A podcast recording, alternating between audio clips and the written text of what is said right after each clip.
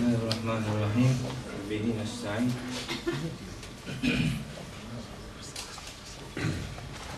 Bugün nasip olursa indiriliş sırasına göre 9. şey 8. sure olan Ala suresini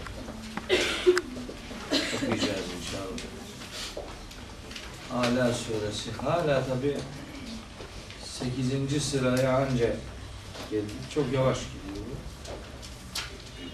Bunu biraz hızlandırmak mı gerekiyor bilmiyorum. Kur'an-ı Kerim'in asıl ağır topları geride duruyor.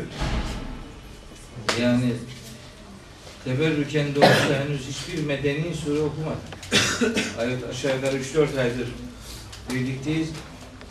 Bir tanecik olsun medeni sure bile okumadık hep. Mekki surelerle uğraşıyoruz.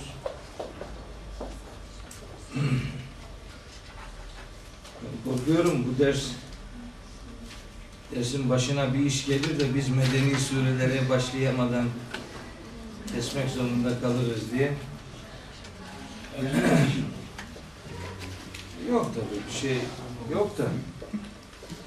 Evet, her şey olabilir. Evet. Sağlığınıza bir şey olmuyor. değil mi? Efendim? Sağlığınıza bir şey olmadıktan sonra devam edeceğiz. Sağlığımıza bir şey olmuyor elhamdülillah. Yani Kur'an'ın hatırına mıdır nedir? Hiç hasta olmuyor. Şey, şeytan kulağına kurşun diyorlar. Sanki kainatı şeytan yönetiyormuş gibi duymasın. Aman duymasın. Aklına sokmuyor. Bir de böyle yere vuruyor. Tak tak tak tak. Ne demekse anlamıyorum. Yani. Tak tak tak tak. Şeytana haberdir. Gel tak tak gel yani.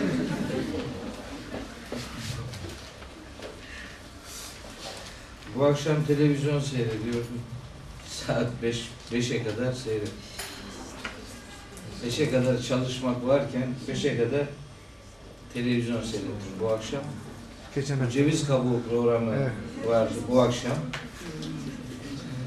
Bir noktada sevindim. Bir noktada çok üzüldüm. Hala daha sebebini anlayamayacağım şekilde insanlar Kur'ani gerçeklere inadına ve ısrarla kulaklarını tıkıyorlar. Üzülüyorum. Kur'an'da böyle olmasına rağmen diyor, filanca hadislerde öyle var. E ev varsa işte ne yapalım diyor. Orada durmak lazım. Ya niye orada duruyorsun? Kur'an önünü açıyor ya işte git diyor sana. Yok. Sanki Allah'ın kelamı bir şeyleri eksik bırakmış gibi. Sanki Cenab-ı Hak bir şeyleri anlatamamış gibi. Sanki Cenab-ı Hak dinini birileriyle paylaşıyor ve insanlara bu dine müdahale etme yetkisi veriyormuş gibi hala daha rivayetleri esas alıp Kur'an'a kulak tıkamayı gördükçe üzülüyorum. Bir taraftan da seviniyorum. Akşam yayına bağlanan eee, katılımcıların iki tanesini iyi tanıyorum. İki tanesi hadisçi, hadis profesörü idiler. iki tanesi. İki hadis profesöründen de tartışılan konu itibariyle söylüyorum. Kur'an'ın söylediği ortada dururken rivayetler esas alınmaz dediklerini duyduğum için çok memnunum. Bunu bir hadis profesörünün söylemesi çok önemli. Gerçekten de öyle. Ben burada haftalardır size söylemeye çalışıyorum. Önce Kur'an. Yani önce Kur'an. Kur'an'da yoksa bir şey başka kaynaklara bakacağız. Ama Kur'an'da varsa başka kaynaklara sıra gelmemesi lazım. Başka kaynaklar karıştırıyor işi. Kur'an'ın ak dediğini öbürü kapkara diyor. Konu hala Hazreti İsa idi. Hala Hazreti İsa ile uğraşıyorlar. Yani Hazreti İsa Ne yapacak bu millete bilmiyorum ya. Yani ne olacak? Bir Müslümanın Muhammed'i bırakıp İsa'yı beklemesi ne acayip bir şey ya. Yani bunu nasıl nasıl rahat yatıp uyuyorlar bunu bir türlü anlamıyorum. Ama gidiş Kur'an'ı anlama ve dini referans olarak Kur'an'ı birinci kaynak olarak kabul edebilme anlayışına doğru iyi bir gidişin olduğunu söyleyebilirim. Onun için mutluyum. Tartışıldıkça Kur'an dikkatlere sunulacaktır. Kur'an insanların zihinleriyle tanışacaktır. Tartışıldıkça dini hassasiyetler, dini kabuller umarım Kur'anileşecektir. Allah'ın kelamı öyle zannedildiği gibi kenarda bucakta aksesuar olarak dursun diye gönderilmiş bir metin değildir. Evet. Biz şimdi 8. sure indiriliş sırasına göre Ala suresidir. Bu sureyle ilgili de sizinle paylaşmaya değeceğini düşündüğüm güzel mesajlar var. Bu mesajları Allah'ın lütfuyla birlikte konuşalım. Allah'ı konuşalım. Bakalım indiriliş sırasına göre 8. surede Cenab-ı Hak Peygamberi Muhammed'den aleyhisselam bütün peygamberlere selam olsun. Çünkü bugün Musa ve İbrahim peygamberlere de gönderme yapılacak. Bakalım bu İslam geleneği nelerden oluşuyormuş? Ta Adem peygamberden bizim peygamberimize kadar neler ortakmış? Kur'an'ın bu konuda söylediği neler varmış? Küçük bir gönderme imkanı bulacağız. 18 ve 19. ayetlerinde surenin son iki ayetinde. Evet. Estağfirullah. Sebbihisme rabbikel a'la. Sebbihisme rabbikel a'la.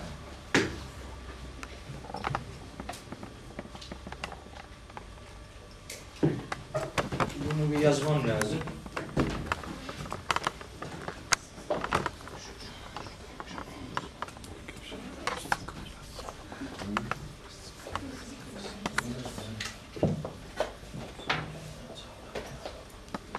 Sebbih isme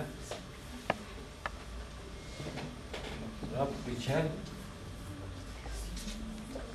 Bu da yazıyor sayılmaz. Anlamı şu. Sebbih Sebbeha yusebbihu tesbih bir varlığı noksan sıfatlardan uzak tutmak demektir. Tesbih budur. Yani tesbih etmek demek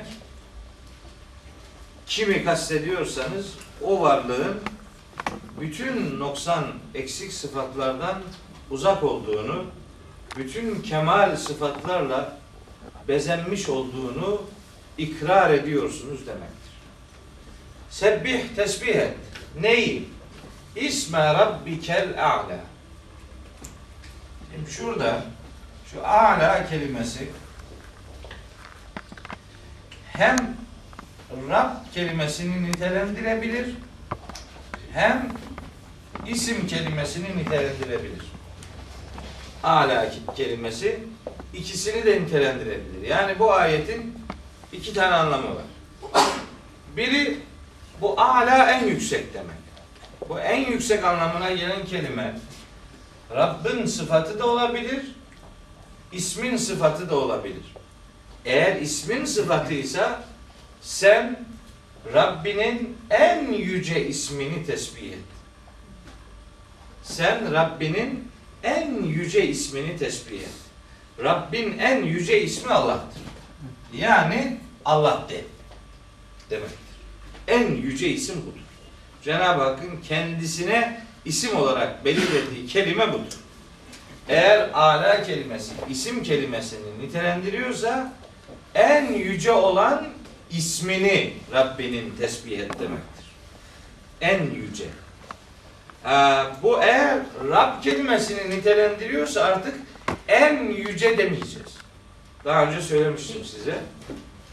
Allah için Allah'ı nitelendiriyorsa bu ismi tafdil sigaları tek anlamına gelir. O zaman mana şöyle oluyor. Sen tek büyük olan Rabbinin adını yüksek, tesbih et. Tek büyük. Şimdi en büyük olan Rabbini olunca ne oluyor? Başka bir Başka büyükler de oluyor. Onun için çok hassas bir kelime bu. Nere göndereceğiniz çok önemli kelimeyi. Rabbe gö- gönderirseniz tek büyük diyeceksiniz. İsme gönderirseniz en büyük diyeceksiniz. E niye o zaman en büyük diyoruz? Çünkü Cenab-ı Hakk'ın birden çok ismi var. Bu isimler Allah'ı anlatması itibariyle birbirinden farklı manalar verebilen isimlerdir. Mesela İsra suresinde şöyle diyor Cenab-ı Hak Estağfirullah Kul id'ullaha evid'ur rahmane Ya Allah diye yalvarın ya da Rahman diye yalvarın diyor. Demek ki bu Allah isminin, Rahman isminin, Rahim isimlerinin diğer isimlere göre az da olsa bir farklılığı, bir ayrıcalığı var. O itibarla isimler arasında dere- derecelendirme yapma imkanımız var. Ama bu derecelendirmeyi değil de Rab kelimesinin nitelendirdiğini düşünürsek ala kelimesinin o zaman en yüce demeyeceğiz. Çünkü başka yüce yok. Tek yüce var.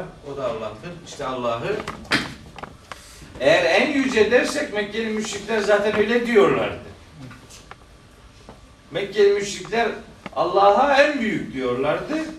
Aşağıda başka büyükler de var. Zaten sorun oradan kaynaklanıyordu. Başka büyükleri niye kabul etmiyorsun diyorlardı Mekkeli müşrikler peygamberimize. Bizim putlarımıza da ufak bir gönderme yapsan sorun kalkacak diyorlardı. Ama Hazreti Peygamber onu demedi. Denmesini de istemedi. Şimdi bu Ala suresinin birinci ayetindeki bu ifade ile Vaka suresi Vaka suresinin yürü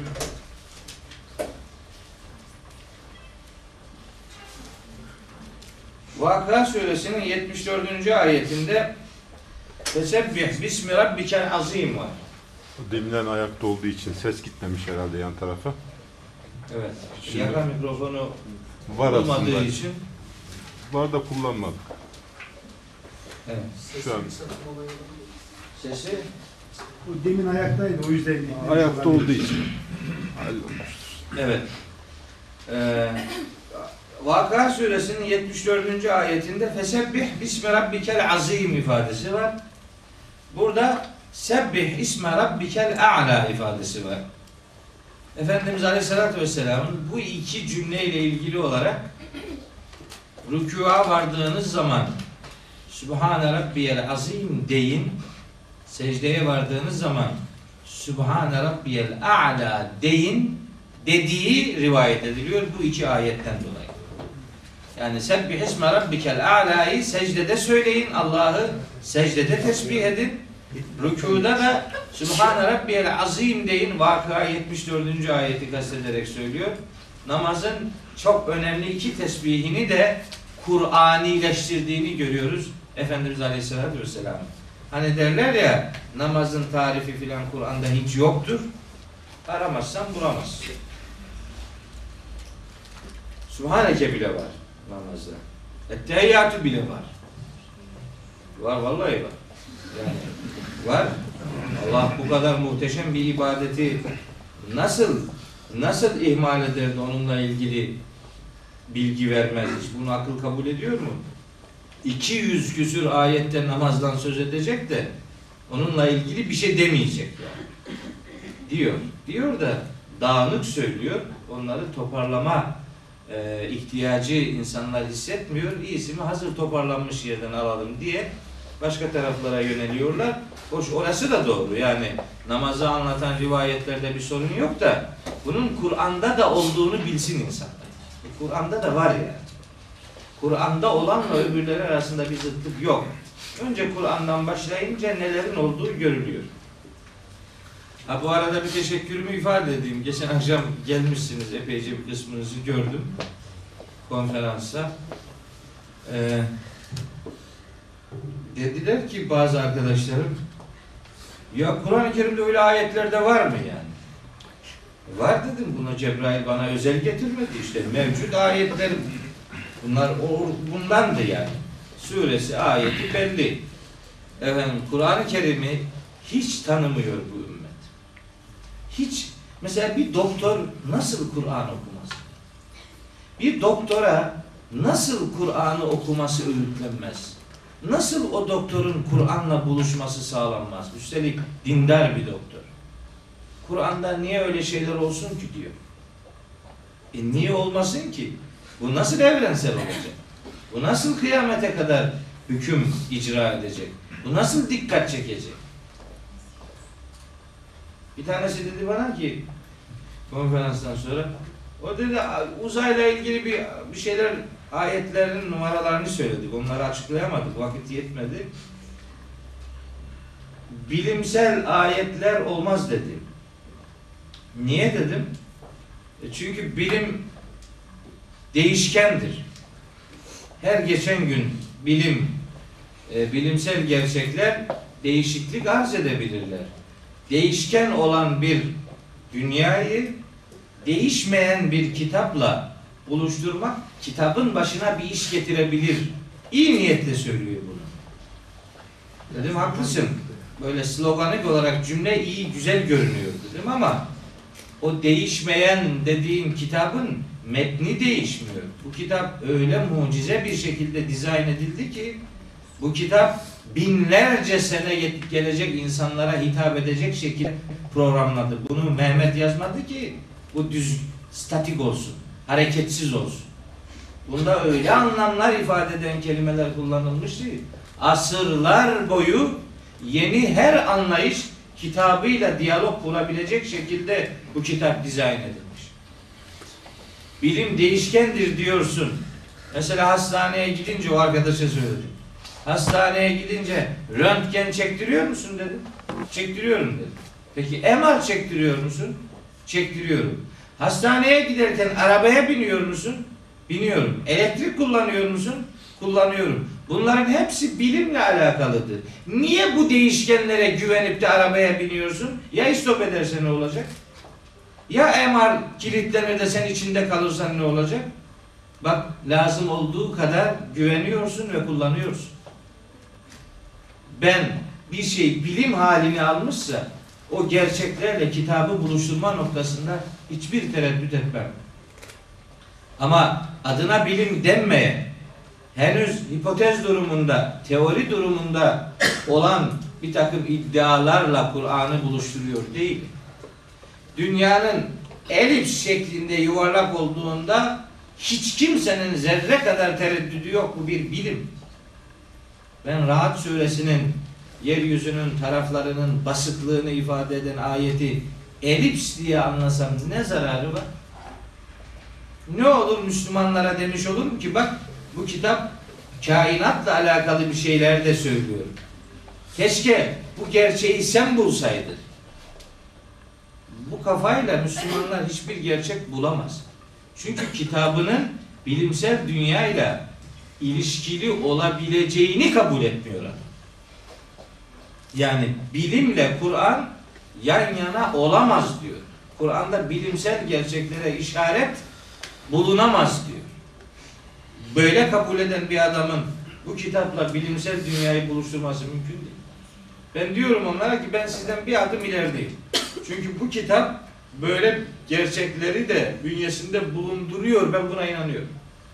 Buna inananlar çoğalırsa bu kitabın gösterdiği doğrultuda bir bilimsel araştırma merkezi kurulup ya da merkezleri kurulup bilimsel bir takım gerçekleri de Müslümanların bulmasının ufku açılmış olur. Öbür türlü bakıldığında yapacak hiçbir şey yok. Çünkü kitabın bilimle ilgisi. Var. Bu kitabın bilimle çok yakından ilgisi var. İşte şimdi birkaç ayet daha söyleyeceğim. Bakın bu, bu ilk surelerde bunların bulunması beni zaten hepten şaşırtıyor. İlk surelerde Cenab-ı Hak hem muhatabı Hazreti Muhammed'i kainatla ilgilenme noktasında şekillendiriyor hem bize bugünün adamına, yarının insanına kainatı tanıma noktasında ev ödevi veriyor. Ufuk ödevler veriyor. Evet. ikinci ayet. Estağfirullah. Ellezî halaka fesevva. Allah yaratan ve şekil verendir. Sevva, yüsevvi, tesviye, tesviye Türkçe kullanılıyor. Torna tesviye diyorlar. Tesviye madenin şekillendirilmesi demektir.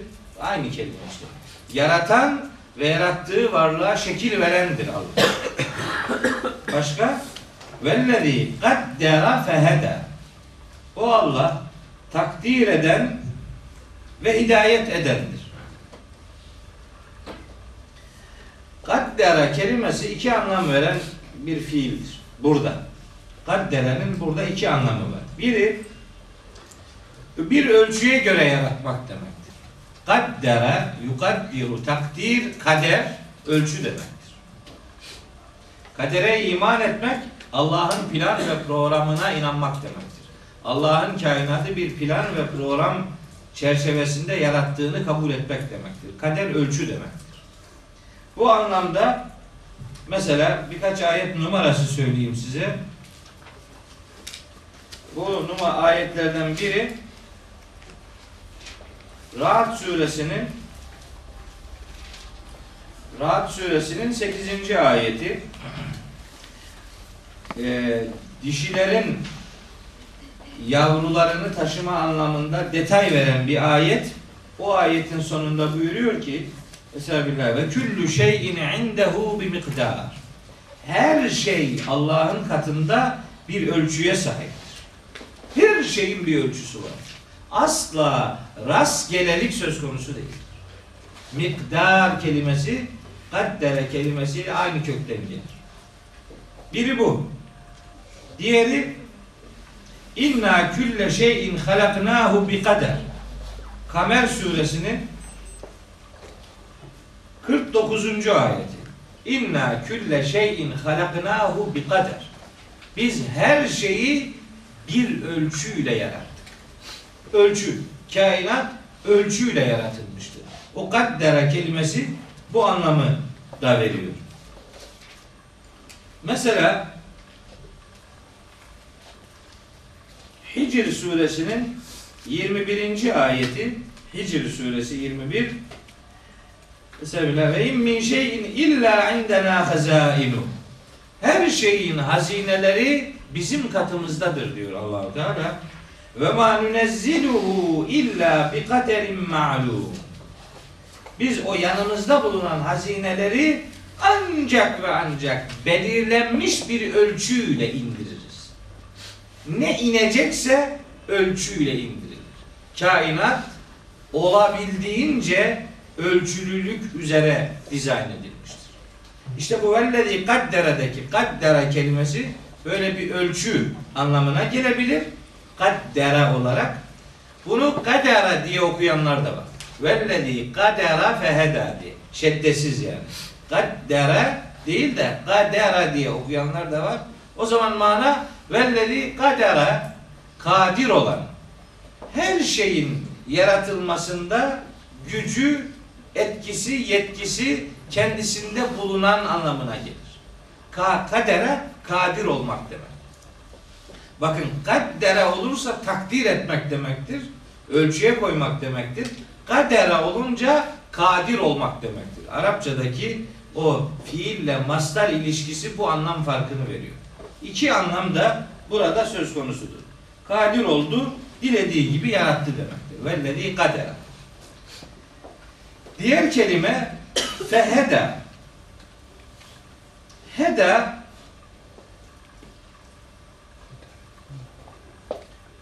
Heda kelimesi daha önce size söylemiştim. Ee, sanıyorum Fatiha suresinde söylemiştim. İhdina, ihdi, heda kelimesi eğer yol gibi bir başka kelimeyle takip ediliyorsa göstermek, ulaştırmak anlamına geliyor demiştim.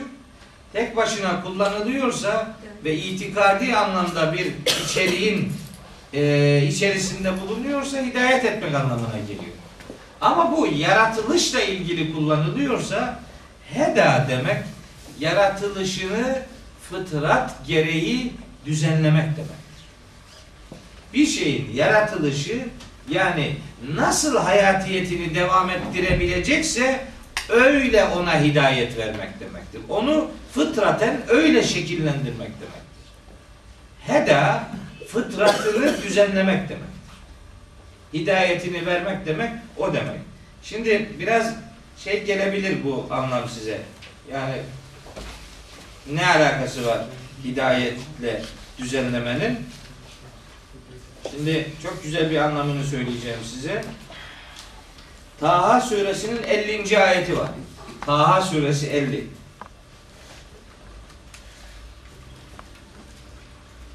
Hz. Musa Cenab-ı Hakk'ı anlatıyor Firavun'a.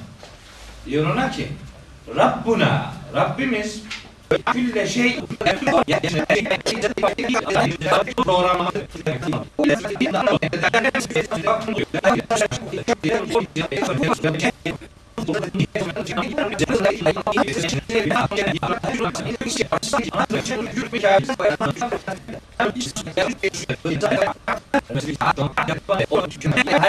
onları da yarattı demektir. Yani sonra biri çer çöp anlamına geliyor. Sararmış, çer çöp olmuş anlamı. Cüruf diyoruz ya, cüruf. Hani madenlerin cürufu, posası. Posası ile mesela sel suları akar da suyun üzerinde böyle o toprak toprağın üzerindeki çer çöpün oluşturduğu cüfa diye bir ifade var Kur'an-ı Kerim'de. Cüfa, zebet, zebet, cüfa ifadeleri var. Zebet kelimesi çer çöp, selin üstündeki çer çöp.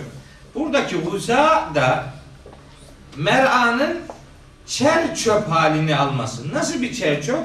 Ehva, kapkararmış.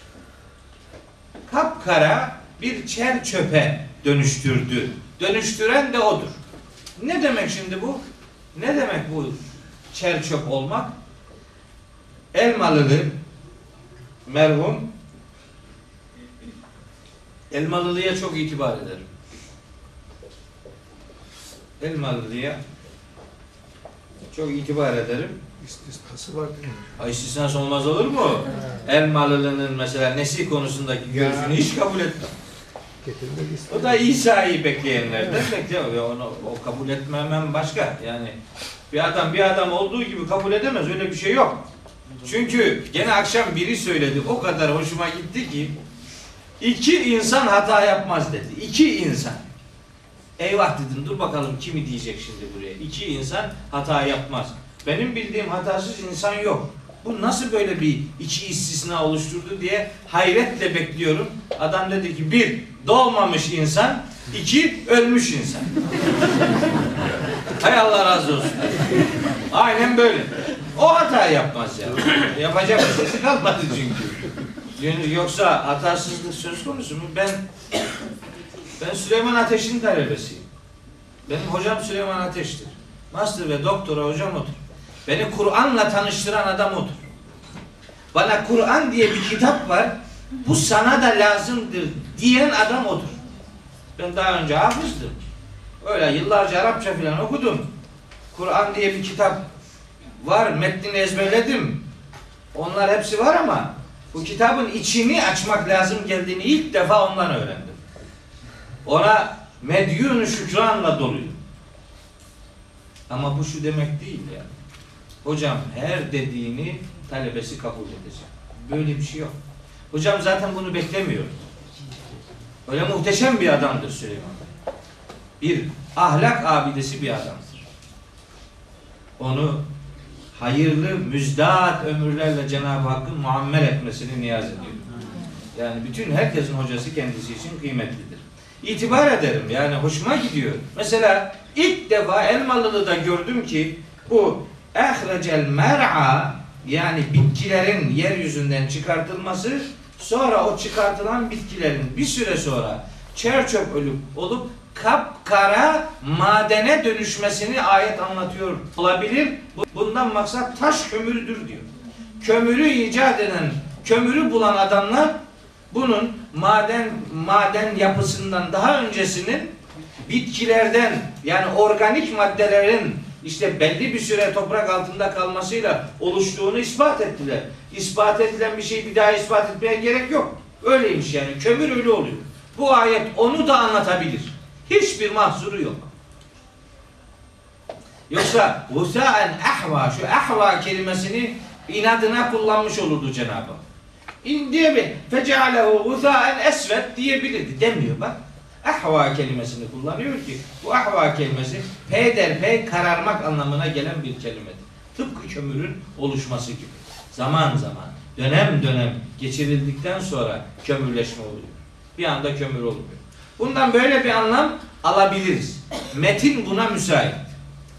Ama ayetin şekli düzenlemesi birinci anlam olarak elbette onu vermiyor. Birinci anlam nedir? Birinci anlam insanoğluna Cenab-ı Hak diyor ki bak seni ben yarattım. Senin şeklini ben belirledim. Ölçtüm, biçtim. Sana fıtrat özelliklerini verdim. Etrafta yeşillikler de yarattım. Bak onlar bahar, yaz geçince sonbaharda sararıyor, kararıyor, dökülüyor. Bu dünya hayatı böyle bir şeydir. Senin hayatında baharı vardır, olgunluk dönemi vardır, bitecektir. Yeryüzü, dünya hayatı geçicidir, sürekli değildir. Etrafındakilere bak, ibret al, sen de bu dünyayı geçici kabul et, ona göre kendini hazırla. Dünyadaki mer'anın o yeşil yapısı nasıl sonbaharda yeşilliğini kaybediyor, ölüyorsa senin hayatının yeşilliği de bir süre sonra gidecektir. Bu anlam elbette birinci anlamdır. Ama bu birinci anlamı veren kelimeler öyle güzel seçilmiştir ki biz bunlar üzerinde durur, bunların acaba başka bir anlamı da var mıdır diye meselenin üzerine gidersek işte merhum Elmalı'nın dediği gibi bunda taş kömürünün efendim veya işte kömürün e, varlığına dair bir e, işaretin bulunduğunu söylememiz hatalı olmaz. Akşam o konferansta söyleyecektim. Dağların yapısıyla ilgili çok güzel slaytlar hazırlamıştım. Bitiremem onların yani yarıdan çoğunu anlatamadım. Dağların yapısıyla ilgili ayetleri böyle detaylı bir şekilde inceledim. Neml suresinin 88. ayetinde dağlarla ilgili yürümeyle alakalı bir şey söylüyor. Dağlar yürüyor tıpkı bulutlar gibi diyor. Sen onları çakılı zannediyorsun ama onlar çakılı filan değil. Bulutlar nasıl hareket ediyorsa onlar da öyle gidiyor. Şimdi bu bizim için dağların hareketliliği demek yani mesela düşünün ki şu masanın üstündeki bu bardak hareket ediyorsa masa hareket ediyor demektir. Dağlar hareket ediyorsa dağların çakılı olduğu yeryüzü de hareket ediyor demektir. Bunu anlamak için çok zeki olmaya gerek yok. Böyle işte yani. Eşeğin üstündeki adam gidiyorsa eşek gidiyor demektir yani. Bu, bu kadar basit. Şimdi ama o ayet öyle muhteşem bir yerde ki Neml suresinin o 86, 87, 88'den ta 92. ayetine kadar kıyameti anlatıyor orası. Evet o ayet ancak orada olabilirdi. Başka bir yerde olamazdı. Çünkü peygamberimizin yaşadığı dönemde aleyhisselamın yani dünyanın döndüğü ya da hareket halinde olduğunu kimse bilmiyor. Dünya hareket ediyor deseydi peygamber bu risalet görevini yerine getiremeyecekti. Hiç kimse inanmayacaktı ona çünkü. Onu kıyametle ilişkilendirerek bir anlatım e, ile bize sundu ki hem o günün insanı bunun kıyametle alakalı bir e, felaket olduğunu düşünsün, ayet öyle anlasın. Hem de bana diyor ki bak bu kıyamette böyle olacak ama bunun bugün de dağların yapısını inceleyin bakalım. Ne var bu dağların yapısında? Bu mesajı bana veriyor. İşte tıpkı bu burada kömürle yeşilliğin ilişkisinin kurulması gibi. Bu kitabın o güne de söylediği var, bugüne de söylediği var, yarına da söyleyecekleri var yani. Kitap belli bir dönemin fotoğrafını çekmek için gönderilmemiştir. Kur'an-ı Kerim tarihsel bir metin asla değildir. Kur'an'ın tarihsel bir metin olmadığının en kestirme delili Kur'an'daki bu bilimsel gerçeklere işaret eden ayetler. Başka türlü bu ayetlerin bu kitapta bulunmasının hiçbir anlamı olmaz. Şimdi bu beş ayet bitti. Çok önemli bir iki ayet geliyor. Evet, merhum Elmalılı'yı hiç kabul etmediğim konulardan biri. Şimdi bak, Cenab-ı Hak yemin ediyor, ediyor, ediyor da veya kendi gücünü, kudretini, takatini, erişilmezliğini anlatıyor. Sonra bir yere geliyor. Diyor ki Estağfirullah. Senukri'uke biz sana okutacağız. Neyi? Vahyedilen her ayeti sana belleteceğiz yani. Bunları sana biz okutacağız. Biz öğreteceğiz. Sen de bunları ifade edeceksin. Fela tensa. Hiçbir şey de unutmayacaksın. İlla ancak maşa Allahu Allah'ın dilediği hariç. İfade bu. Yani bu ifadenin başka bir şeysi yok. Allah'ın dilediği hariç biz sana okutacağız ve sen unutmayacaksın. Bu tabi benim çok takıldığım konulardan biridir. Müfessirlerin bu, bu, bu ayetle ilgili üç tane görüşü var. Görüşlerden biri şu. Burada Allah'ın unutulmasını dilediği şey Kur'an'da neshedilen ayetlerdir deniyor. Nesih nedir? Nesih anlatacağım size. Nesih yani silmek demek. Yok, nesih başka bir şey, fesih başka bir şey, mesih başka bir şeydir. Bak, bunların üçü de baştaki harfle manası değişen şeylerdir. Nesih başka bir şeydir. Mesih başka bir şeydir. Fesih başka bir şeydir.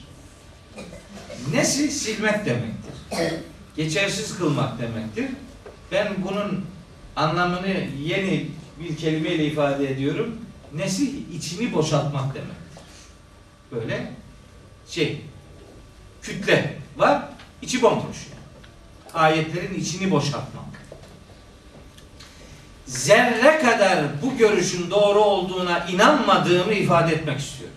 Nesli size anlatacağım zamanı geldiğinde. Bakara suresinin 104, 105, 106. ayetleri geldiğinde bunu size anlatacağım. Allah lütfederse. Nesli kesinlikle kabul etmiyorum. Kur'an-ı Kerim'de var olan bir ayetin hükümsüz olduğuna, modasının geçtiğine kapıyı açacak böyle bir anlayışı kesinlikle reddediyor. Bunu öyle bu kadar net kimse de kolayına söylemez. Kesinlikle Kur'an-ı Kerim bir yaz boz tahtası değil. Böyle bir gün ak diyecek sonra yok vazgeçtim kara olsun. Hadi bir daha vazgeçtim yeşile dönsün. Öyle bir şey olmaz. Allah'ın kitabı böyle oynamalara müsait bir kitap değildir. Şimdi müfessirlerin bir bölümü diyor ki burada unutulması dilenen şeyler nesedilen ayetler. Yani Allahu Teala Hazreti Peygamberimize nesettireceğini e, nesedeceği bir takım ayetleri unutturdu işte. Bu unutturmak o demek.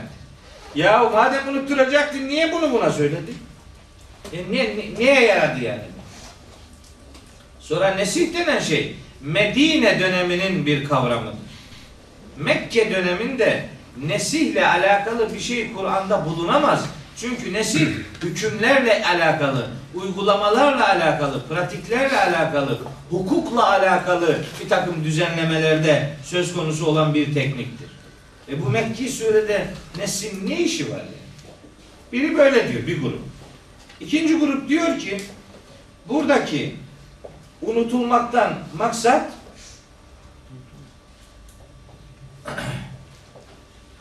Hazreti Peygamber Aleyhisselam'ın işte rivayetlerde yer aldığı üzere bazı şeyleri böyle insan olarak unutmuş. Mesela ne unutmuş? İşte bir gün namaz kılarken dört rekatlı namazı iki rekat kılmış. Sahabilerden biri de demiş ona ki Ya Resulallah Namaz mı kısaltıldı? Yoksa ne oldu yani? O da güya demiş ki ne oldu, niye soruyorsun demiş. Yani iki rekat kıldın da işte onun için. Aa, o zaman unuttum tamamlayalım demiş. Ya bunu peygamber yapar Allah aşkına. Feveylün lil musalli ellezine hum an salatihim sahun. Ne olacak şimdi bu?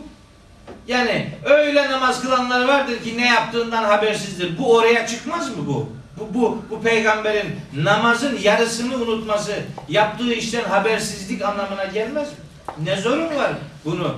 Yani ayetin içini bir şeyle dolduralım diye koca peygamberin ibadetiyle üstelik namazıyla oynamaya varacak işi oralara getiren bir takım yaklaşımlar var.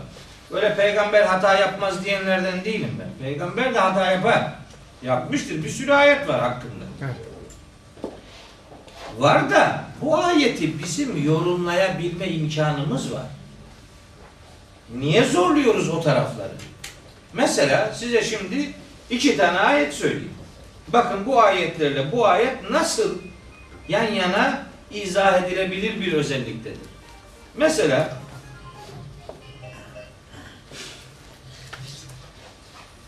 İstediğin kadar anlat hocam fıkraları.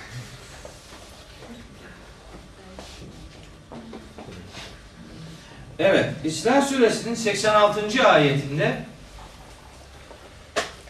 diyor ki allah Teala bak üstelik aynen vahiy ile alakalı bu da yani oradaki gibi konu aynı. Diyor ki mesela billah ve leyin şi'na biz dilersek dilersek dileseydik diye tercüme ediyorlar. Dileseydik değil dileseydik olsaydı velev şi'na olacak. İn ile lev edatları farklı anlamlara gelir. Vele in şi'na muhakkak ki biz dilersek lenedhebenne billezî evhayna ileyke sana vahyettiğimiz şeyleri gideririz. Yani kaldırırız. Biz dilersek sana vahyettiğimiz şeyleri gideririz, kaldırırız. Bu ne demek şimdi? Cenab-ı Hak vahyettiği şeyleri peygamberden kaldırmış mı? Yok. Bu ne demektir? Benim buna gücüm yeter demek. Ben istesem bunları da yaparım. Sen hafızana fazla güvenme. Sen hafızanı öyle mermer gibi zannedip de her şeyi orada çakılı olarak muhafaza edebileceğini zannetme. Biz onu gidermeye de kadiriz. Biz onu gidermeye de kadiriz demek, biz onu giderdik demek değil ki. Cenab-ı Hak kendi gücünü ortaya koyan, peygambere de onun beşer olduğunu hatırlatan bir uyarıdır. Sen kendini abartma yani. Çok fazla işi abartıp da kendini yani olamayacağın bir konuma çıkartıp beşer üstü bir durumda olduğunu filan zannetme. Biz istersek unuttururuz da haberin olsun. Unuttururuz da demek, unutturduk demek değil. Şart cümlesi. Dilersek yapabiliriz. Ama diledik ve bunu yaptık anlamına gelmez bu. Tıpkı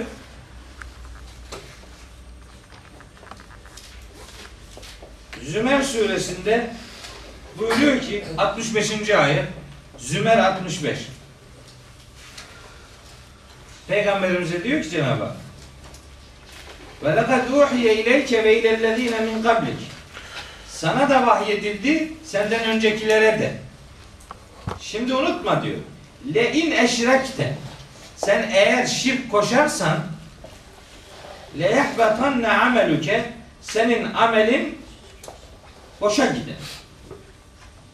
Şirk koşarsan amelin boşa gider. Ve le tekûnenne minel hasirin ve sen ziyana uğrayanlardan olursun. Bu ne demek şimdi? Peygamber şirk koştu ve ameli de boşa gitti anlamına gelir mi? Gelmez. Bu bir uyarıdır, bir şart cümlesi. Durumu belirleyen yani yani işin parametre ilkelerini belirleyen ilkeler koyuyor. Böyle yaparsan böyle olur. Öbür türlü de kendine fazla güvenme. Ben istesem sana unuttururum yani. İnsan olduğunu hatırından çıkartma.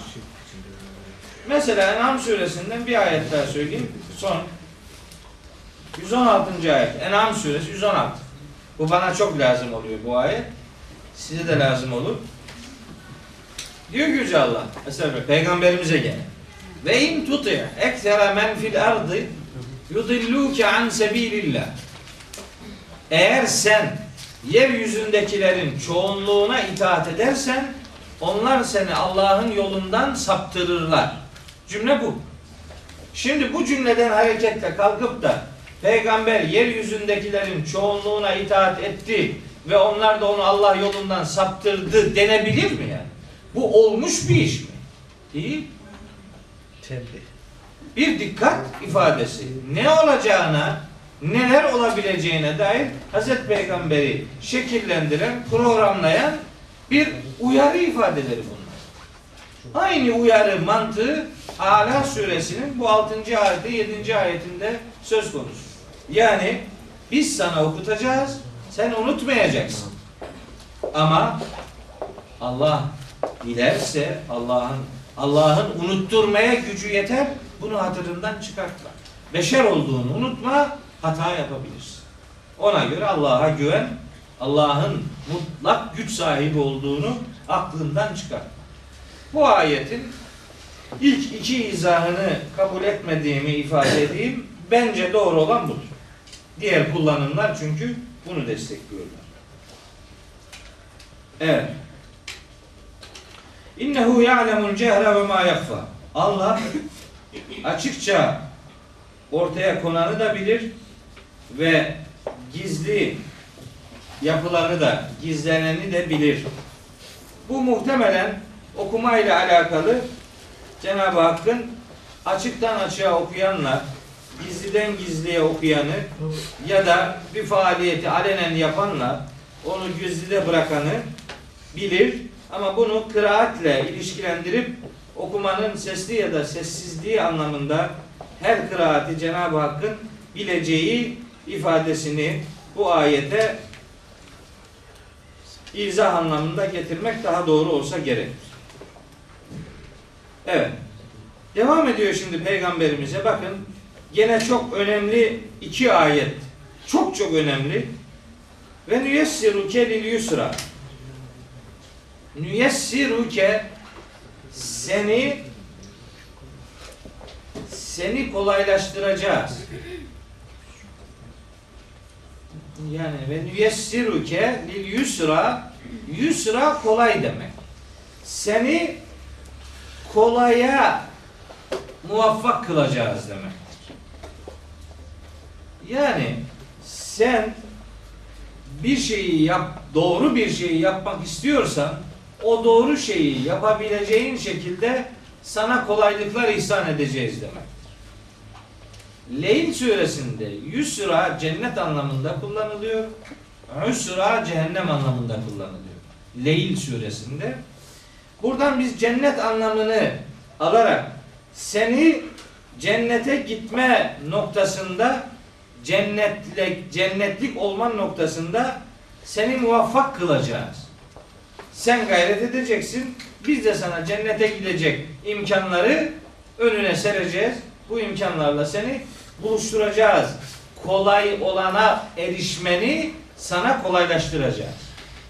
Leyl suresinin 5-6 tane ayeti var. Bu yusra, usra kelimelerinin insan fiilleriyle ilişkili olduğu orada ifade ediliyor.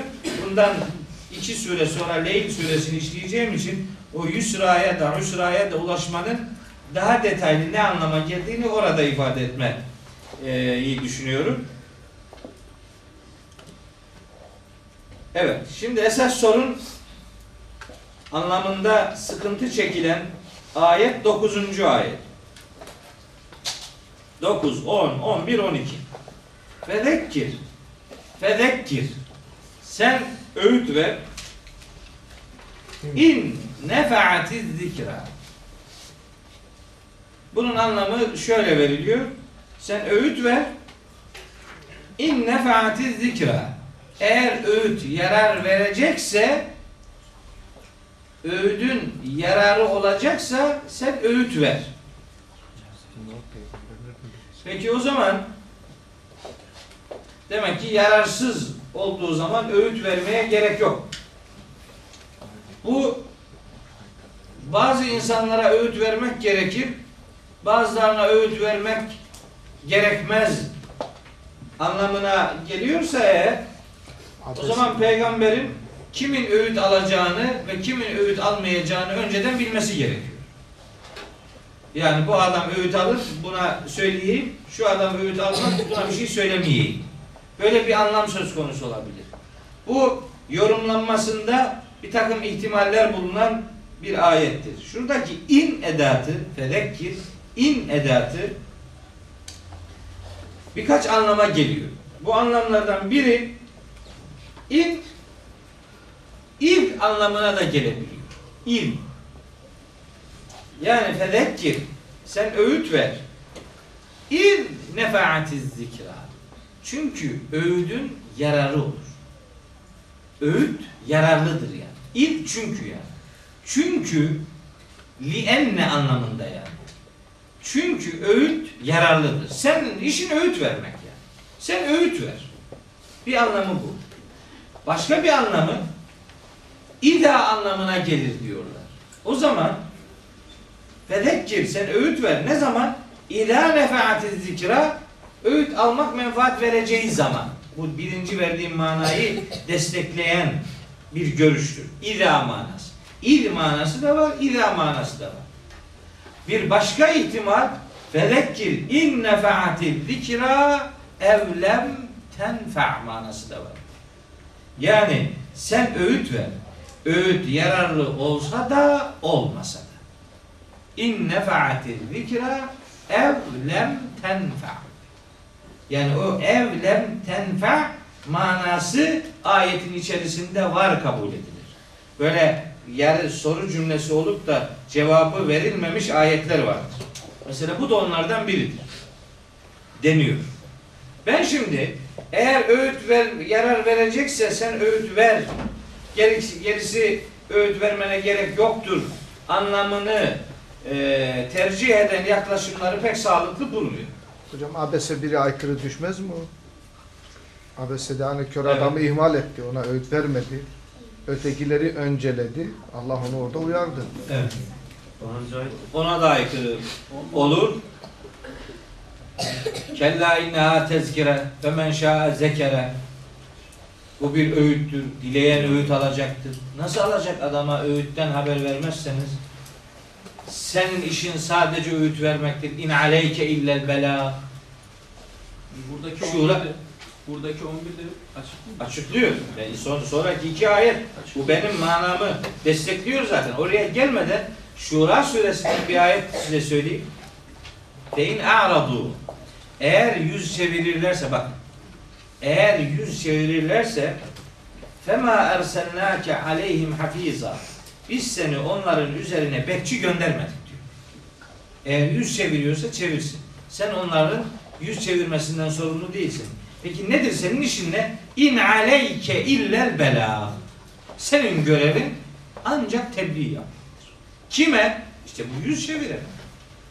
Yüz çevirene de yüz çevirmesinin hesabını sormak için ona hatırlatma görevinizi yapmak zorundasınız.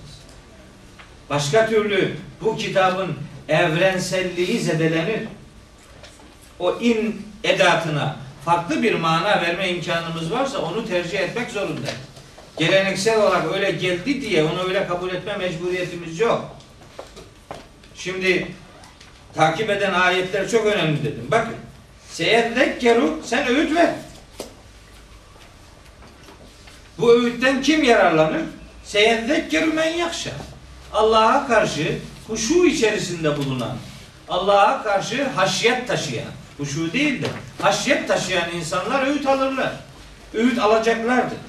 Ve yetecenne buha el eşka. Şaki olanlar ise yani kötü kimseler ise kaçınır. Öğütten kaçınır. Sen verirsin öğüdünü o da kaçar. Ona da öğüt vereceksin ki öğüt almamasının hesabını sorabilirsin. Adama öğüt vermeden niye öğüt almadın denir mi? Denmez. Dolayısıyla ayeti ilk etapta bakıldığı zaman herkes doğru zannediyor. Öğüt eğer yarar sağlayacaksa öğüt ver. Heh, güzel. Peki ne, bu herkese öğüttü ama bu kitap. Sen şimdi kategoriye ayırdın insanları. Efendim burası öğüt almaz. Burası öğüt alır. Ha buraya buraya konuşalım. Böyle bir şey olur mu ya? Bu yaratılışın imtihan alanına dönüştürülmesi gerçeğiyle uyuşmaz. Hüseyin Hoca'nın dediği gibi de yani öğüt, öğütle ilgili ambargo koymak peygamberin selahiyetinde değildir.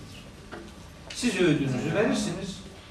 Bugün almayabilir, yarın alabilir o adamın öğüt almama anlamında kalbinin kilitliliğini ne öğüt veren bilir ne öğüt almak durumunda olan bilir. Onu kimse bilmez.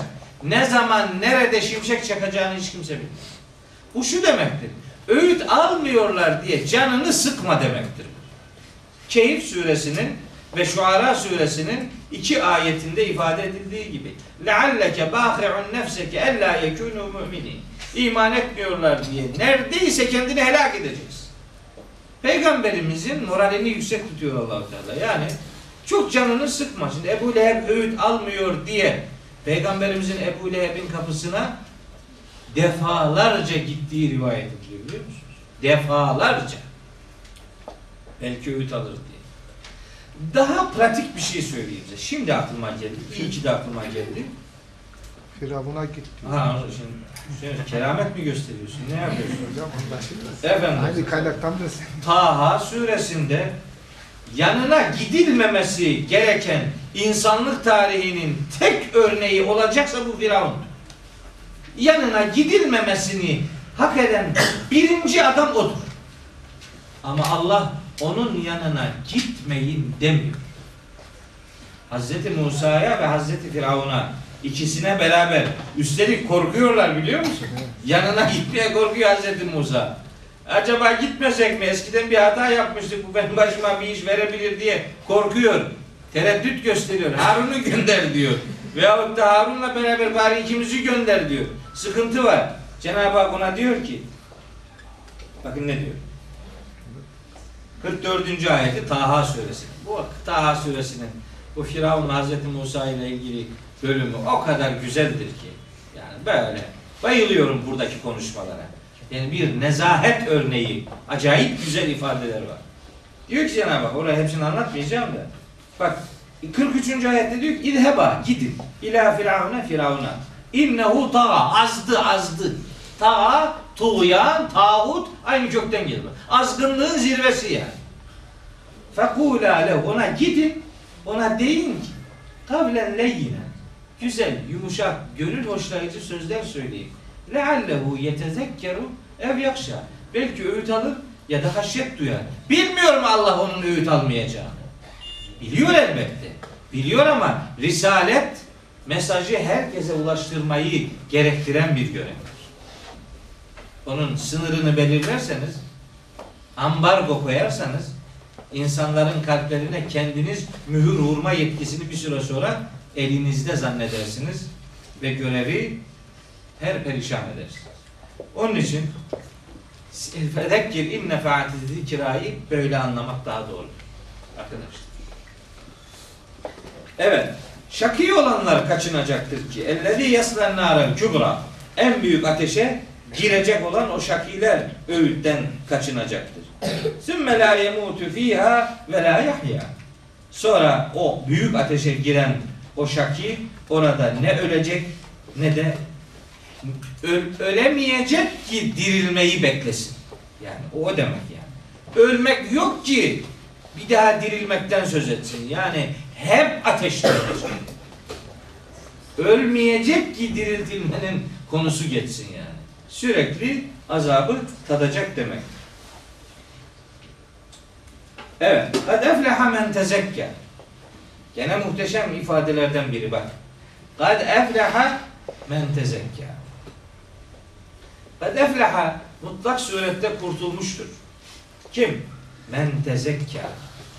Tezekka kelimesi çok tartışılan bir ifadedir bu. Tartışılmasının gerekçesi de şu. Genellikle bu tezekka kelimesini zekat vermek diye ifade ediyorlar. Oysa bu Mekki surelerin ilkleri bunlar. Yani çok da hemen birinci gün geldi demiyorum ama bazı müfessirler Sabbihisme Rabbikel A'la bu surenin ikinci sırada indirildiğini iddia edenler de var. Biz sekizinci sırada okuyoruz onu ama bunu ikinci sırada indi diyenler de var. İki olsun, sekiz olsun ama bu Mekke döneminin ilk yıllarında gelmiş bir suredir. Muhtevası bunu ifade ediyor. O yıllarda zekat ibadeti esasında kurumsal anlamda yoktu. Çünkü zekat ekonomik yardımlaşma anlamında sistemli bir ibadettir. Kuralları olan bir ibadettir. Ekonomik yükümlülüktür. Dağıtımını devletin üstlendiği bir kurumdur. Dolayısıyla Mekke döneminde böyle bir kurumsal zekattan söz etmek biraz zordur. Ama ekonomik yardımlaşmanın bir çeşit Mekke'de de devam ettiğini biliyoruz.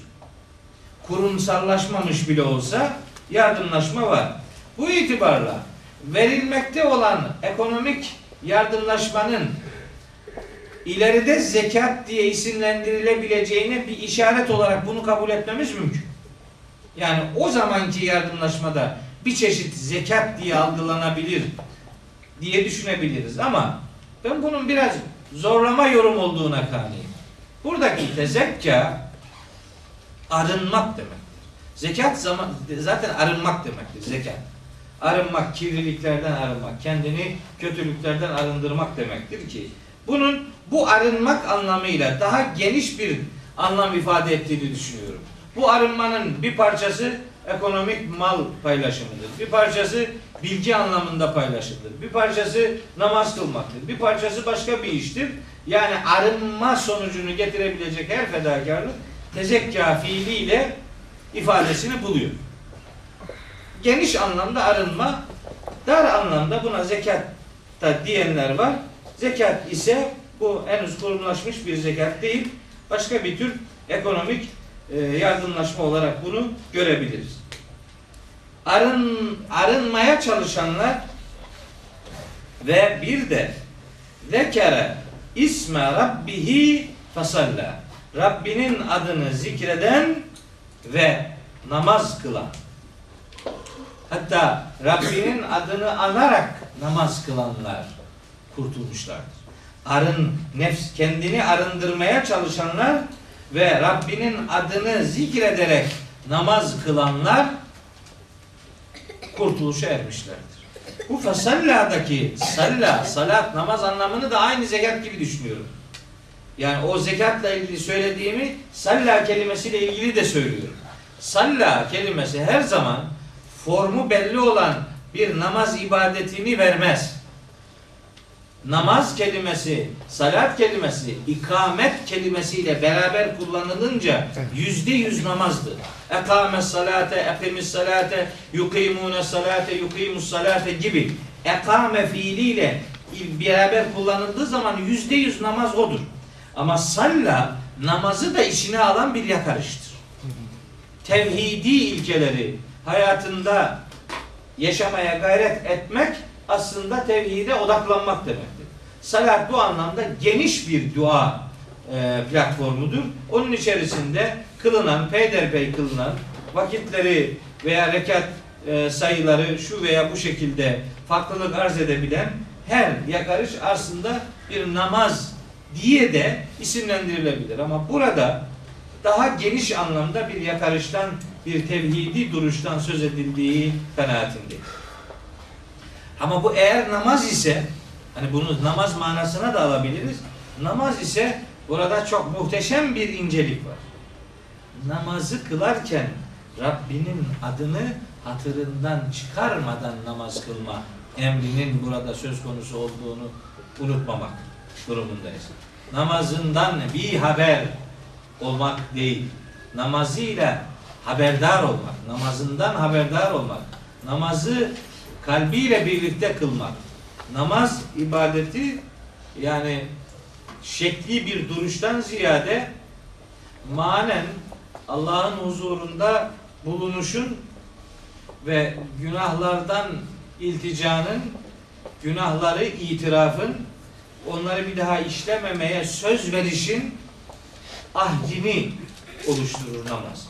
Onun için o ahitte mutlak surette Cenab-ı Hakk'ın adının hatırda tutulması namazın ayrılmaz bir parçasıdır. Namazın şartlarını, rükünlerini sayarlar, kitaplarda yazarlar. Namazın şartları kaç tanedir? Altı tane. Namazın şartları altıdır değil mi? Altı. Ben öyle demem. Altı. Adesten taharet, necasetten taharet, setru avret, istikbal kıble, vakit, niyet. Rükünleri de altıdır. İftidar tekbiri, kıyam, kıraat, rükû, sücud, kade ahire. Yani bunlar namazı namaz yapan dış ve iç gereklilikler. Bakın bunlar 6 tane veya 16 tane mühim değil. Kaç tane olursa olsun. Bunların herhangi birinin başına bir iş gelirse geri kalanlarla namaz kılınır. Devam eder o. Diyelim ki kıbleyi bilmiyorsunuz. Namazdan kurtulamazsınız. Yani gene bir tarafa dönüp kılacaksınız. Mesela abdest almaya imkanınız yok. Teyemmüm yapacaksınız. Teyemmüm de yapamıyorsanız abdestsiz kılacaksınız yani. Setru avret yapacak kadar üzerinizi örtecek bir şeyiniz yoksa ben setru avreti yapamıyorum namaz kılmasam da olur diyemezsiniz. Çökeceksiniz, çömelerek namaz gene kılacaksınız. Ayaklarım tutmuyor diye, kıyamı yapamıyorum diye namazı terk ediyorum diyemezsiniz. Kafanızla olsun kılacaksınız. Geri kalanlar durumu idare ediyorlar. Yani rüknün başına da bir iş gelse, şartın başına da bir iş gelse kalan sağlar bize yeter deyip namaz ibadeti kılı yerine getirilir. Ama namazın öyle bir parçası vardır ki o yoksa namaz yoktur. İşte o namazda Allah'ı hatırlamaktır. Bunu ne şartlarda sayarlar ne hükümler. Hiçbirinde yok. Halbuki namazın olmazsa olmazı budur. Olmazsa olmaz namazda Allah'ı hatırlamaktır. Anlattım da orada telefon hikayemi. Mesela adam telefonla konuşuyor namazı bozulmuyor. Niye? Kılmıyor ki namaz. Hutbe okuyormuş hoca efendi. Demiş ki hutbede dua bile edersem amin demeyeceksiniz demiş. Haramdır. Hutbede yani millet konuşmasın diye nefes almayı bile neredeyse haram. Ben öyle çok vaazlar yapmışım. Çok adamlar fırçalamışım. Adamın ayağı ağrıyor. Böyle yaslanmış biraz. Ne biçim oturuyorsun? Ettehiyyatta nasıl oturursan hutbede de öyle oturacaksın. Üstünü başını düzenle. Burası babanın kahvesi değil diye adamları fırçaladım durdum yıllarca. Allah Allah ya ne kadar büyük hatalar yapmışız zamanında. Şimdi hutbe okurken de ses çıkartmayacaksın. Dua yaparsam amin bile demeyeceksin. Peygamberin adını söylesem salat selam getirmeyeceksin filan. Adamı helak ediyorsun. Tam hutbeden inerken hoca demiş ki Allah söylediklerimizin tesirini halk eylesin demiş. Safın, safın başındaki demiş ki amin. Yanındaki demiş ki namazın bozuldu. Öbürü demiş ki seninki de bozuldu. O seninki de seninki de safın başına kadar gelmiş en baştaki demiş ki oh benimki bozulmadı.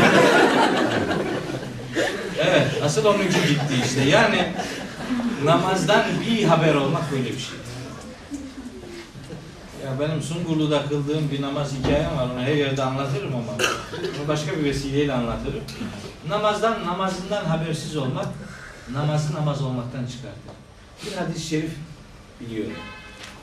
Peygamberimiz buyuruyor ki aleyhissalatü vesselam namaz iki türlüdür. Namaz vardır. Kılanını arş-ı alaya yükseltir. Namaz vardır.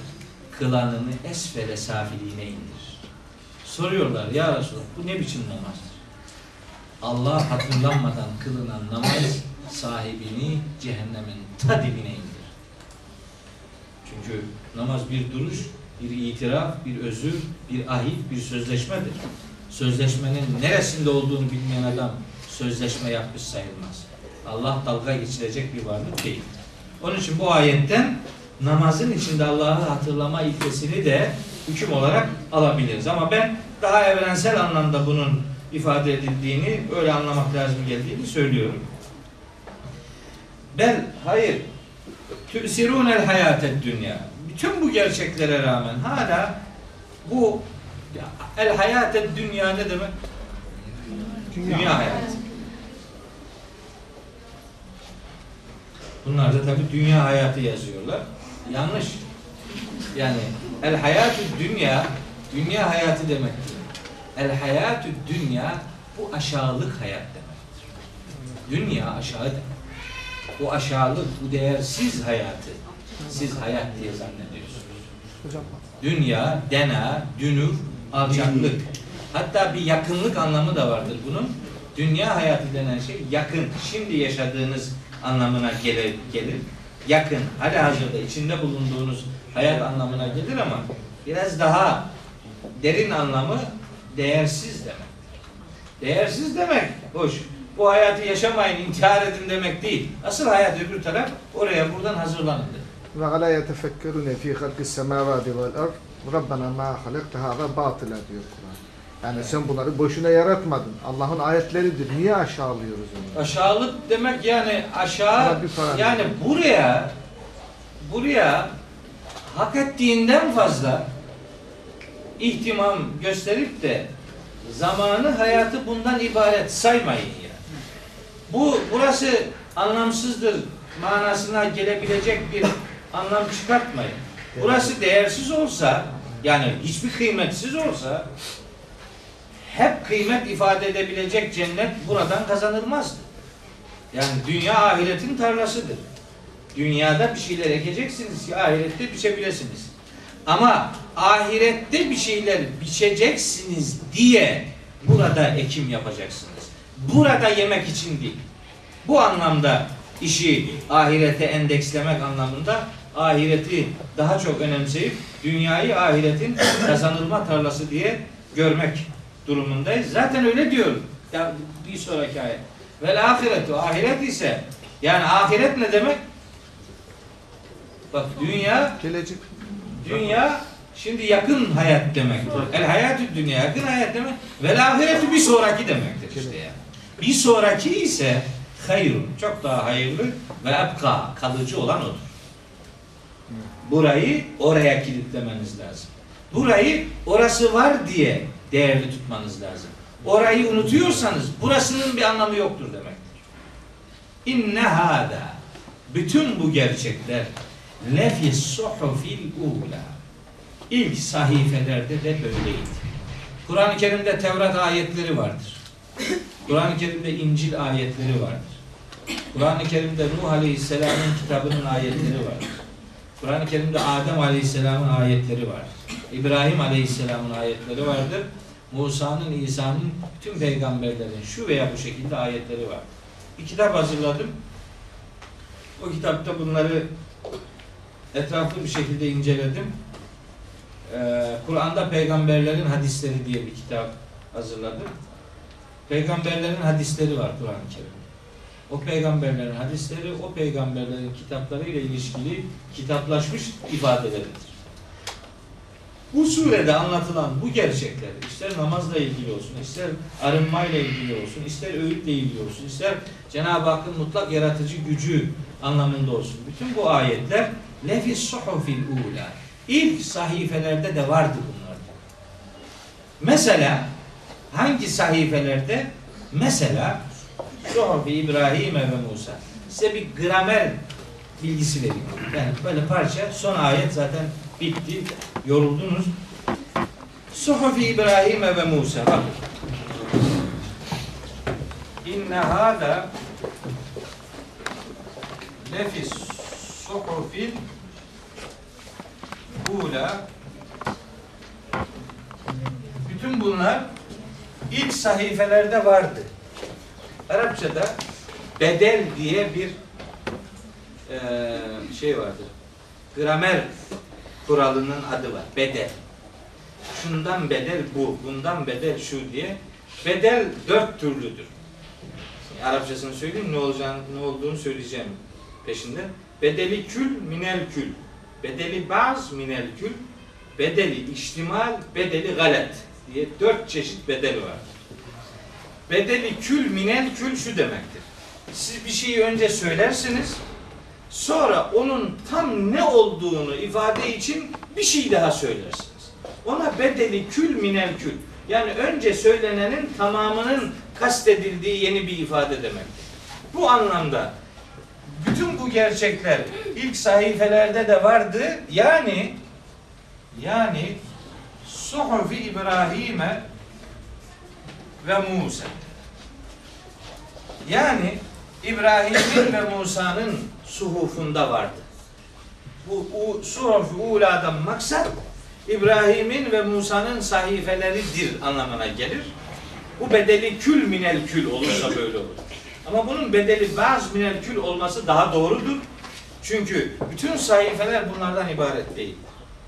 Yani bütün bunlar ilk sahifelerde vardı. Mesela İbrahim ve Musa'nın sahifelerinde olduğu gibi. Bütün sahifeler bu ikisinden ibaret değildir demektir. Bedeli bazı minel kül bu demektir. Bütünü söylenir, onun bir kısmı kastedilir. Buna bedeli bazı minel denir. Niye bu ikinci mana daha doğrudur? Şunun için, bu ayet için söylüyorum. Biri şu, bütün kitaplar İbrahim ve Musa'nın sahifelerinden ibaret değildir. İki, şimdi bu ilk etapta İbrahim ve Musa'nın da kitaplarında bulunduğu söylenen şey aslında hemen bundan bir önceki şeydir, mesaj. Bir önceki mesaj zekat ve namazla ilgili bir mes- mesajdı. Yani özel özel manada zekat ve namazdan söz ediyordu. Bu zekat ve namaz işi peygamberler tarihine serpiştirilmiş iki ibadet. Mesela Hz. İsa'nın dinine bakın.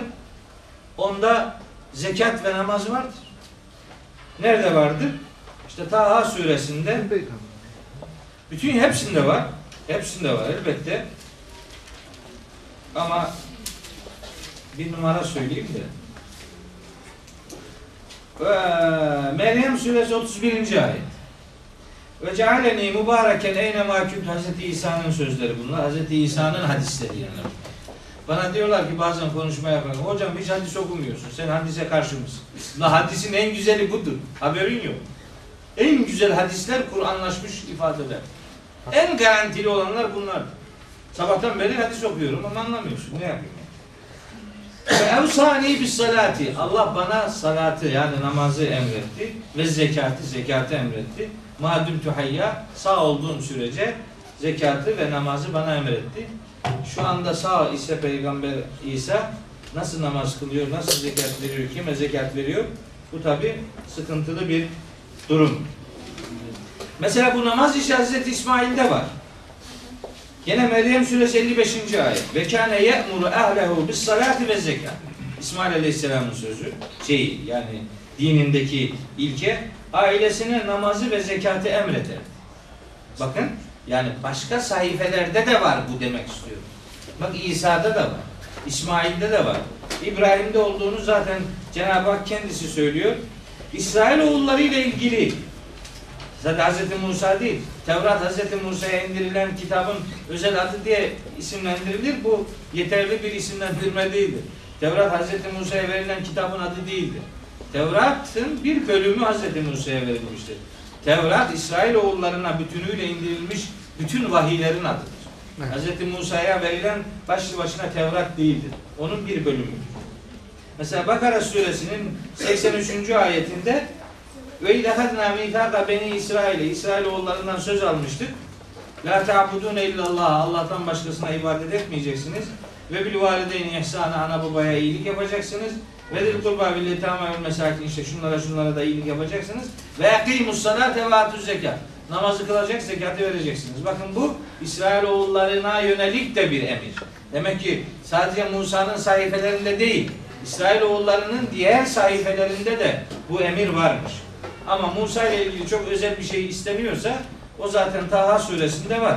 Akimis salate li zikri emri Hz. Musa'ya yönelik bir emirdir. Taha suresinin 14. ayeti İnneni enallahu la ilahe illa ene fa'budni ve akimis salate li zikri Ben benden başka ilah olmayan tek varlığım. Sadece bana ibadet et ve namaz kılarken beni hatırla. Bu emir Hz. Musa'ya yönelik bir emirdir.